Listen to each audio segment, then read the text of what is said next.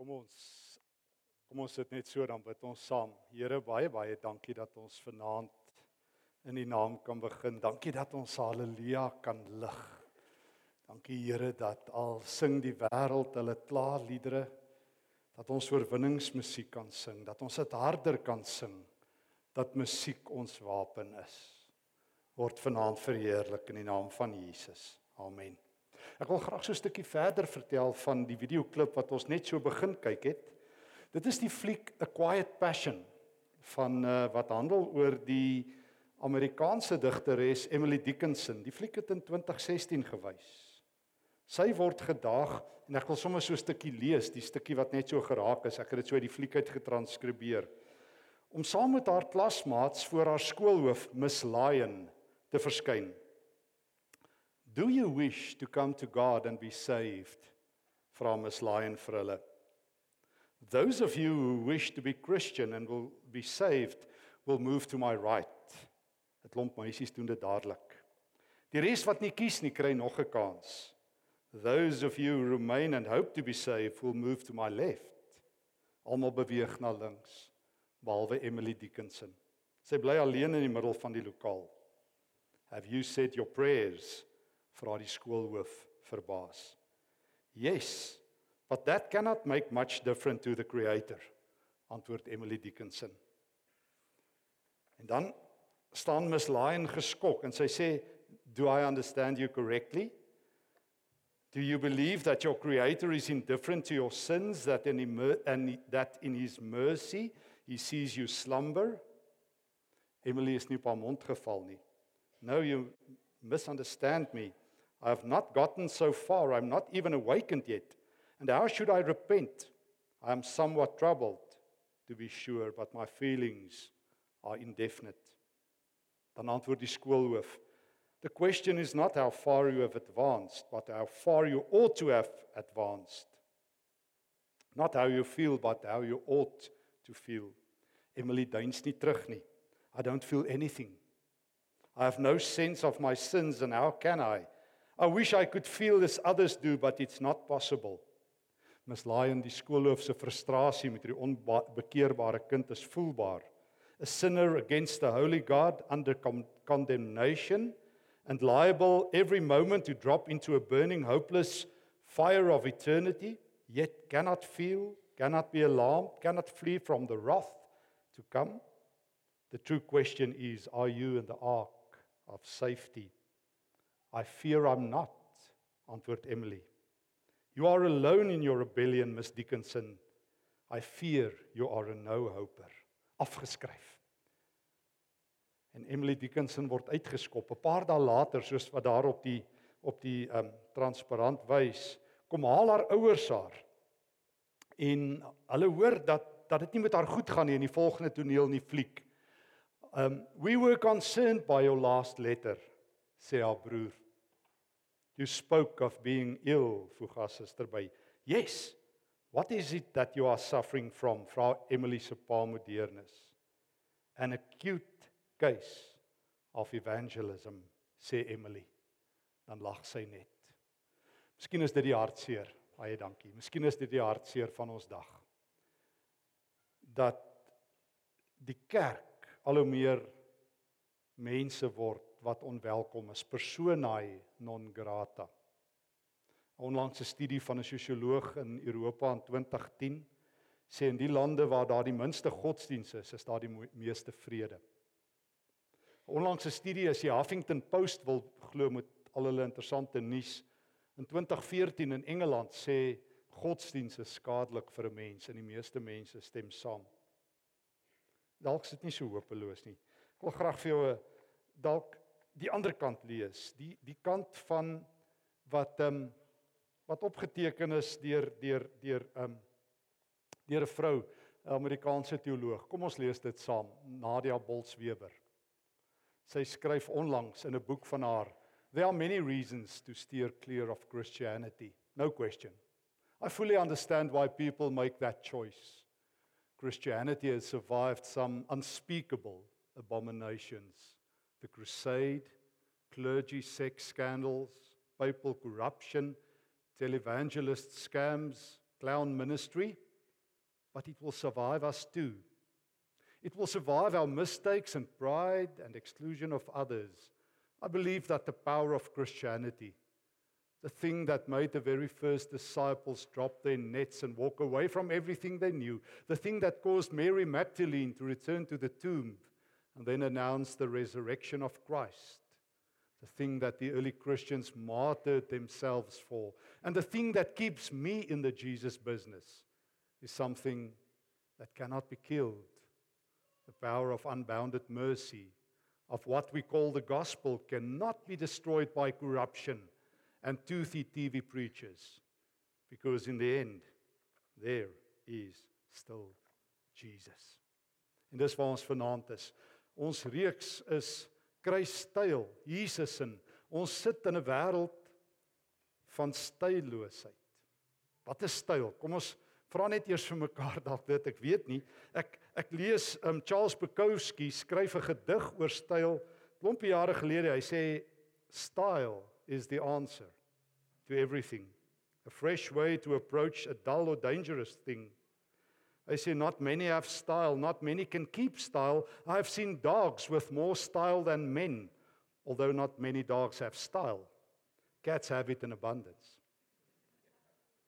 Ek lees wat die Amerikaans Engelse akteur Tom Hardy skryf oor styl. Hy sê style I think is panache.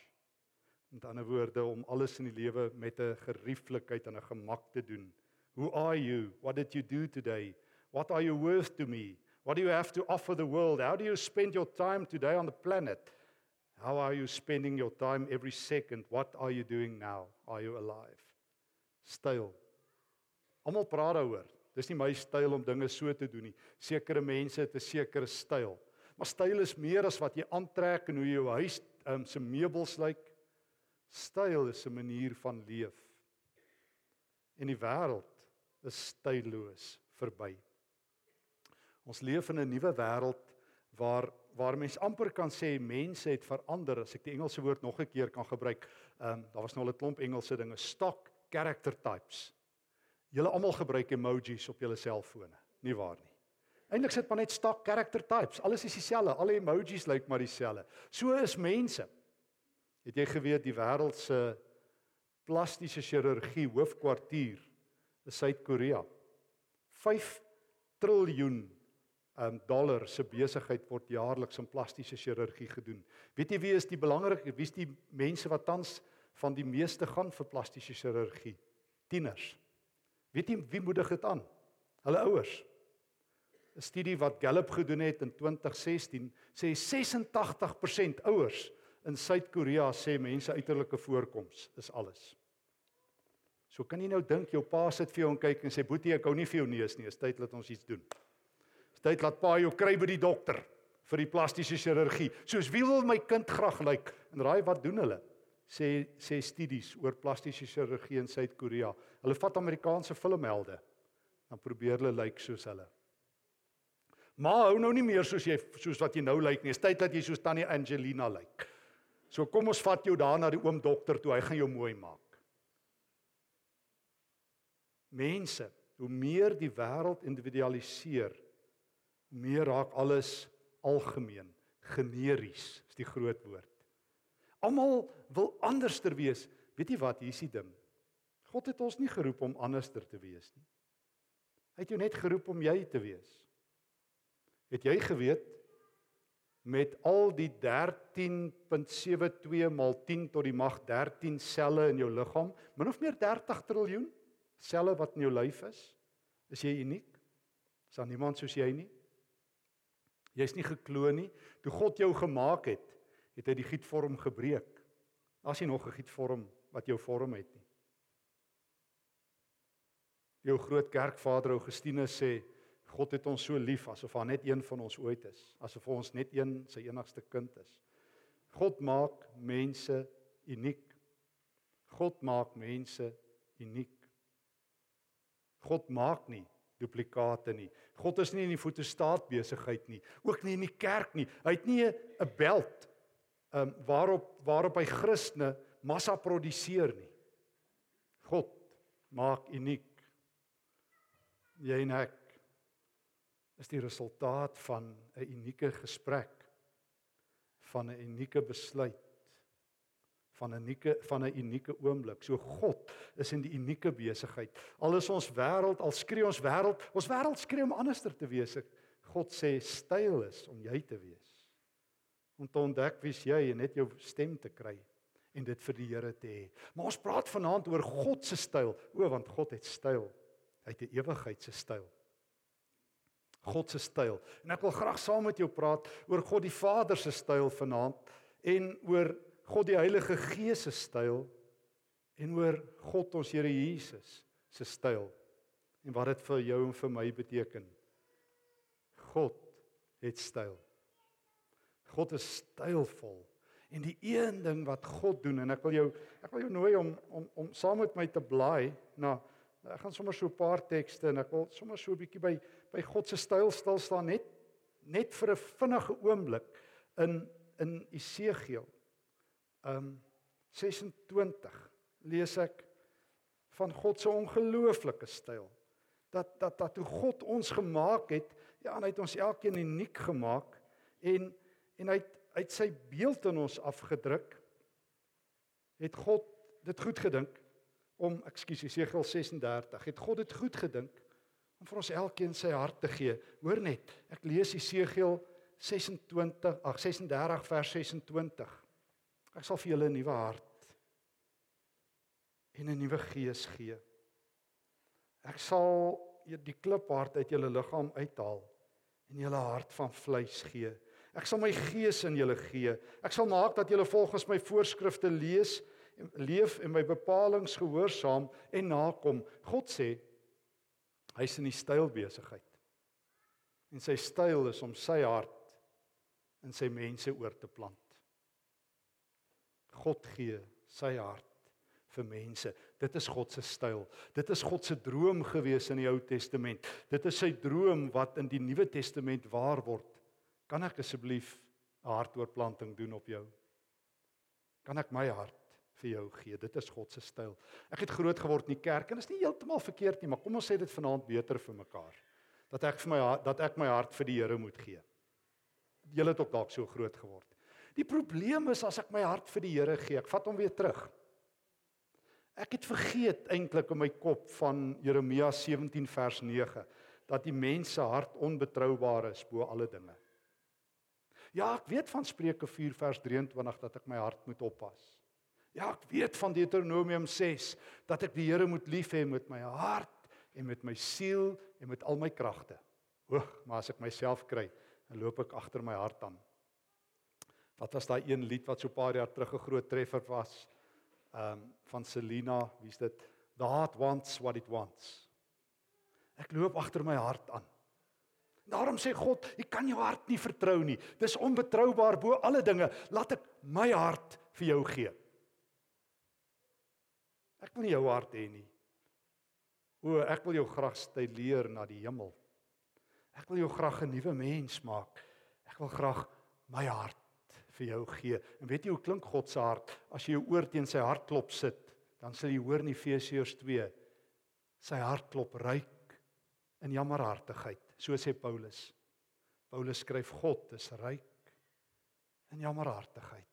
O, en as jy jou jou oor bietjie nog nader teen God se hart sit, dan sal jy hoor in 1 Johannes 4 vers 7 tot 10. God is liefde.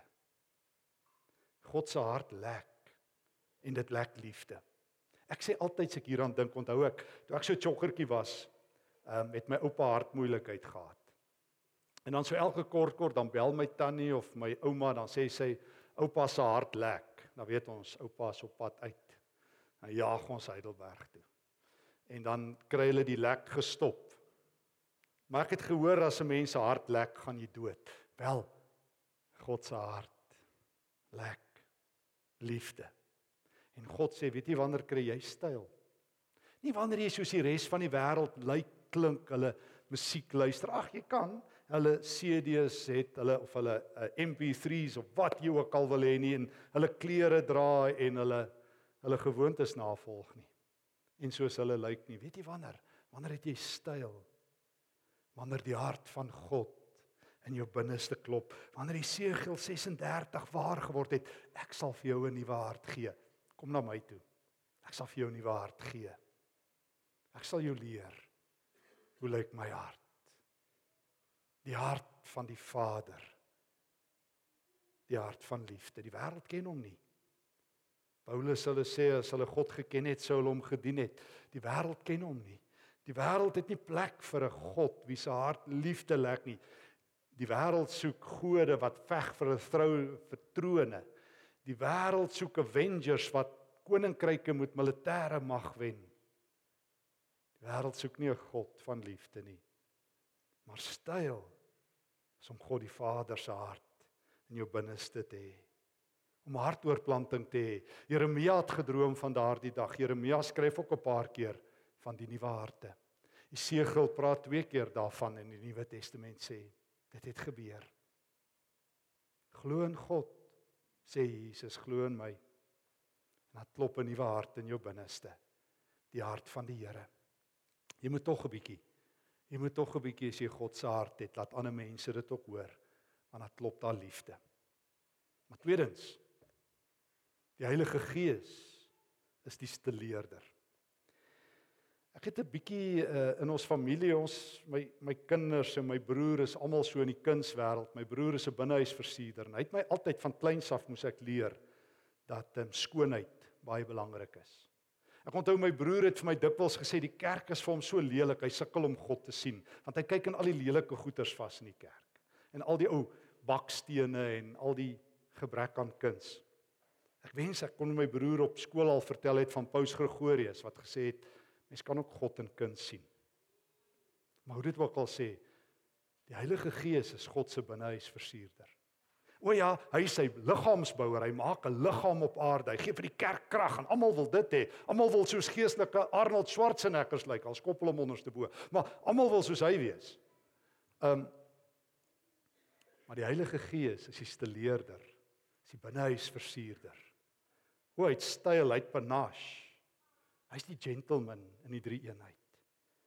Hy kom vat, o ja, lees saam met my. Um 1 Korintiërs 1 Korintiërs 6. 1 Korintiërs 6, een van my aller aller gunsteling tekste in die hele Bybel. Uh Paulus skryf op 'n aangrypende manier oor die Heilige Gees se werk. Kom ons lees hom soos ek altyd verkies vanaf vers 20 na vers 19 toe. Paulus skrywe: "Julle is gekoop en die prys is betaal." Julle moet God in julle liggaam verheerlik. Of besef julle nie dat julle liggaam 'n tempel van die Heilige Gees is nie? Hier hoor jy nou die Heilige Gees se styl. O, hy's 'n steleerder van tempels. Heilige Gees bly nie in plakkerskampe, kommunes, um, afgeskryfde pondokke, armsalige sondaars, sukkelende kerkmeise, wat noem Christen hulle nog nie? Ek onthou toe ek voor ek by die universiteit beland het, toe ek so jong prekant was, het ons so 'n paar ouderlinge gehad in ons gemeente. Hulle het vir jou gebid in 'n depressie in. Want ek onthou die eerste ouderling het altyd begin en sê: "O Here, ek is so groot ou sondaar."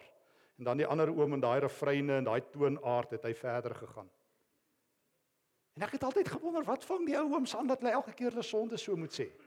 En toe gaan vra ek eendag vir oom, oom, gedoorie waar, wat se sondes het jy dat jy elke keer sê ek is so 'n groot ou sondaar want ek wil hom nou ophou met te bid. So kan ek jou help. Bely dit en dan kry ons dit uit jou lewe uit en dan kan jy dan sê, "Dankie Here dat jy my liefhet." Want God wil jou stileer, oom. Hy wil nie hê jy moet die hele tyd sê, "Here, kyk hoe bekrap ek myself en kyk net wat se gemors kan ek aanvang met hierdie lewe wat U vir my gegee het nie." Nee, maar nee, ons praat maar so. Ek sê ouma, nou moet jy ophou so praat. Of jy kry daai sondes uit jou lewe uit of ek kry jou uit die kerk uit. Want so kan dit nie aangaan nie. Ons sal 'n keuse moet maak. En toe tref dit my op 'n dag, sê nee, maar hulle is geleer om so te bid. Jy weet, hoom nie, ons is maar sondaars. Sê ek, oom, wat noem mens hierdie? Dis noem dit die Bybel. Jy's 'n ouderling, jy moet hom ken. Gee my een teks in die Nuwe Testament waar 'n Christen 'n sondaar genoem word en ek gee vir jou my Bybel en my Griekse Bybel. Onthou jy wat skryf Paulus? Toe ek styloos was, toe ek gesink het onder die sonde, Romeine 5 vers 7, toe ek nog 'n sondaar was, het Christus vir my gesterf. Onthou jy? Toe ek nog 'n sondaar was. O nee, God noem nie sy hande werke sondaars nie. Ek is gekoop. En ek en die prys is betaal. Jesus is die opkoper. Ons kom nou by hom. Jesus is die opkoper van sondaars en as hy jou koop, gee hy jou oor in die hande van die Heilige Gees. En as die Gees jou het, moet jy weet, meneer en mevrou, jonge heer, jong dame, is die Heilige Gees met styl in jou lewe. Is hy besig om jou te verander na 'n tempel. Hy doen tempelwerk. Hy styleer jou tot tempels. En as hy sy as hy die offer van Jesus vat, want as Jesus jou koop met sy bloed, o ja, ja, ja, Jesus koop net sondaars. Hy koop net ouens wat hulle lewe verwoes het wat styloos hel toe gaan en in die donker is en hulle lewens bekrap het, wat vol sondes is. Elke vingerafdruk het, het sonde daarop. Elke voetspoor het sonde geloop. Elke gedagte is daarvan vol. Maar wanneer Jesus jou koop, dan sê hy vra hy vir die Heilige Gees, sal jy jou sal jy jou hemelse towerwerk doen?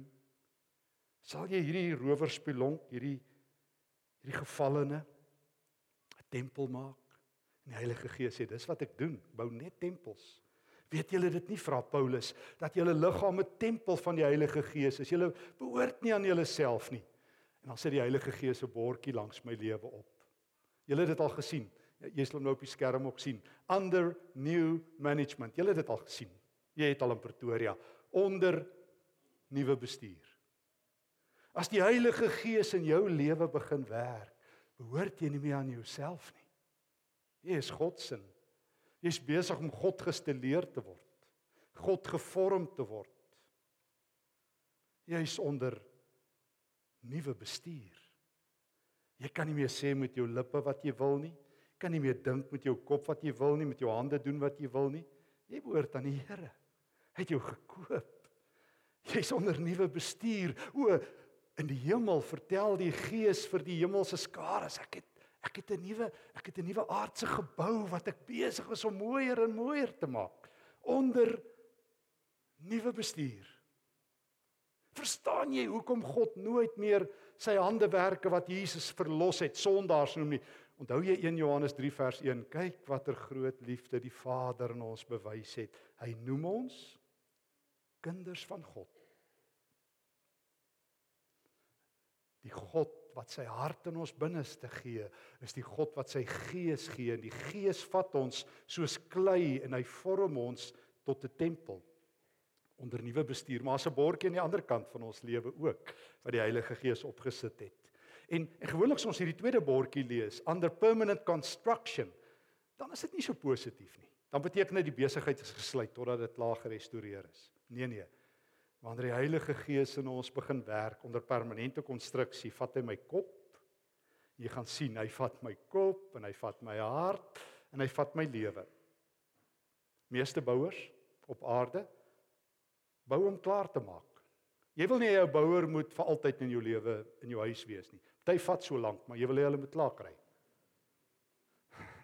Nou die dag, 'n ou vriend vir my gesê kan of 'n Christen of 'n bouer wees nie, dis om net 'n grappie. Maar uh, Maar jy jy moet bou om klaar te kry, nie die Heilige Gees nie. As hy die tender van Jesus gevat het, gaan hy 'n tempel bou. Wat is sy styl? O 2 Korintiërs 3 vers 18. Die Gees wat in ons is, verander ons van heerlikheid tot heerlikheid, van doxa tot doxa. Dis waarmee God besig is met 'n skitterende program met 'n helder skynende program, met 'n blink program, met 'n tempelbou program. God wil saam met Sefanja sê ek is stil tevrede oor wat my gees besig is.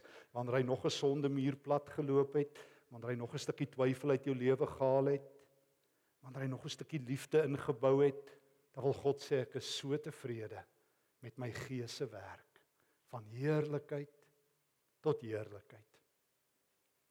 Ekskuus as die storie, ek het dit al eers vertel en ek het al daaroor geskrywe, maar dit het my dit was vir my 'n onderskeidende oomblik in my lewe as 'n jong dominee daar in Benoni. Het ek 'n moeilike oom in die gemeente gehad. Ek weet ek kan maar hier vertel want hier's nie moeilike ooms nie. Ehm um, maar die oom was baie moeilik en toe ek so jong ouetjie daar aankom, toe sê die ouderling vir my, "Dominietjie, daai daai oom in ons wijk is 'n moeilike man." En toe los ons hom vir laaste en toe gaan besoek kom en soos ek inkom, sit hierdie berg van 'n man en sy eerste woorde is jy het seker die stories oor my gehoor. Sê oom dit loop so stroop, né?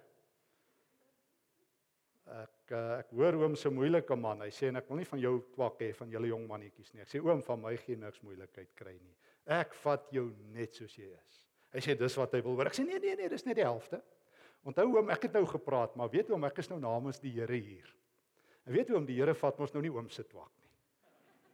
Dis nou net 'n snaakse ding. Hy vat nie dit van oom nie. So oom, kan ek vir oom vertel en daar slaan 2 Korintiërs 3 vers 18 my. Ek sê oom, waar God werk, verander mense van heerlikheid tot heerlikheid. Ek hoor oom spog daaroor, oom verander nie. Ons moet oom vat soos oom is. So dit lyk vir my ek stem met die Here saam dat die Here opgegee het op oom.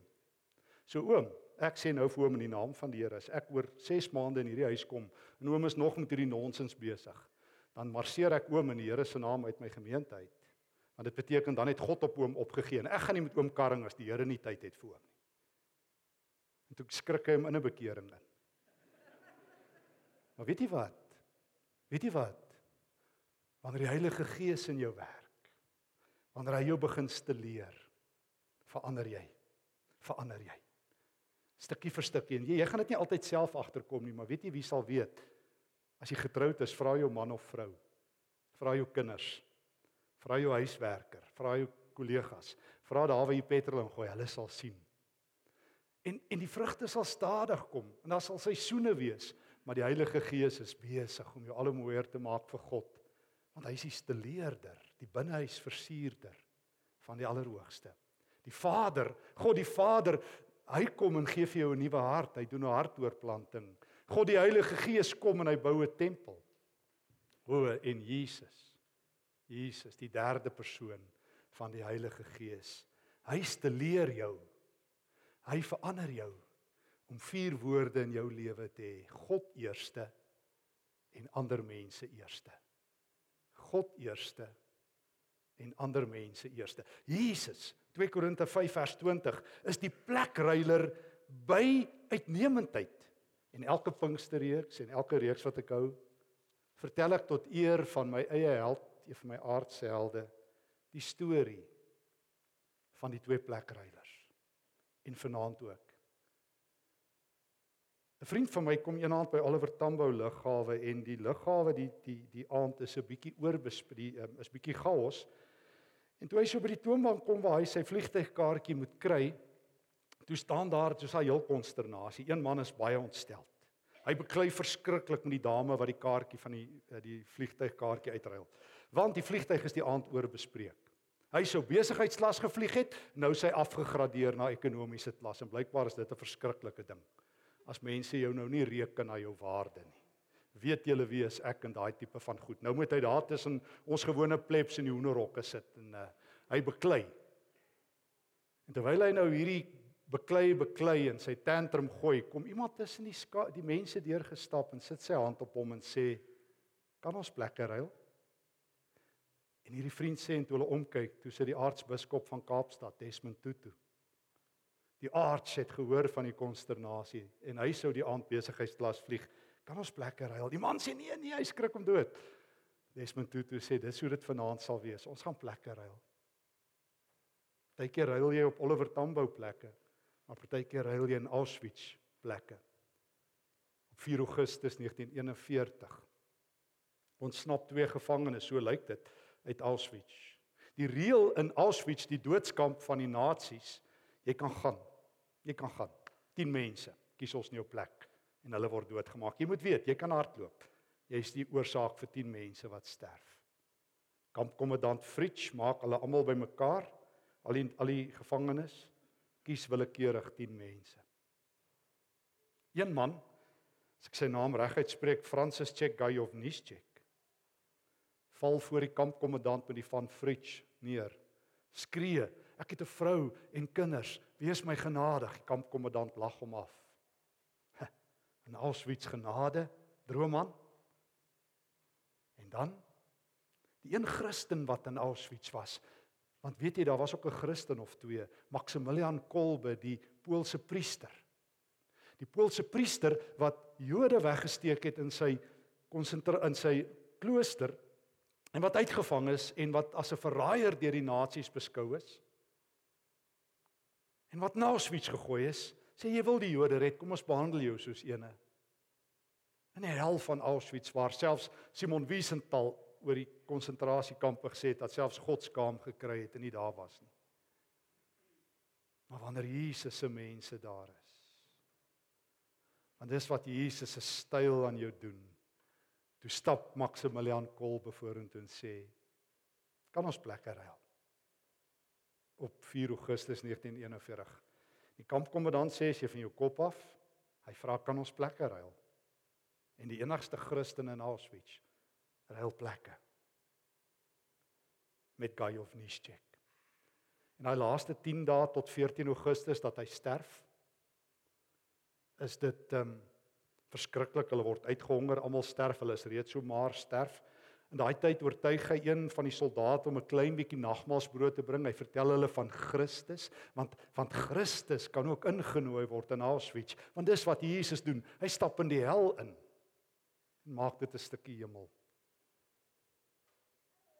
En die nege Jode hoor van Jesus en kan sy liggaam en sy bloed eet en in vrede sterwe. En op 14 Augustus as Kolbe nie dood is nog nie, vat hulle die kampdokter 'n naald vol suur en druk dit in sy arm en hy sterf en hy word daai middag in die oonde van Auschwitz gegooi en verbrand. Niemand sou van hom geweet het nie behalwe dat Gajov Nischek bly leef het tot Maart 1995.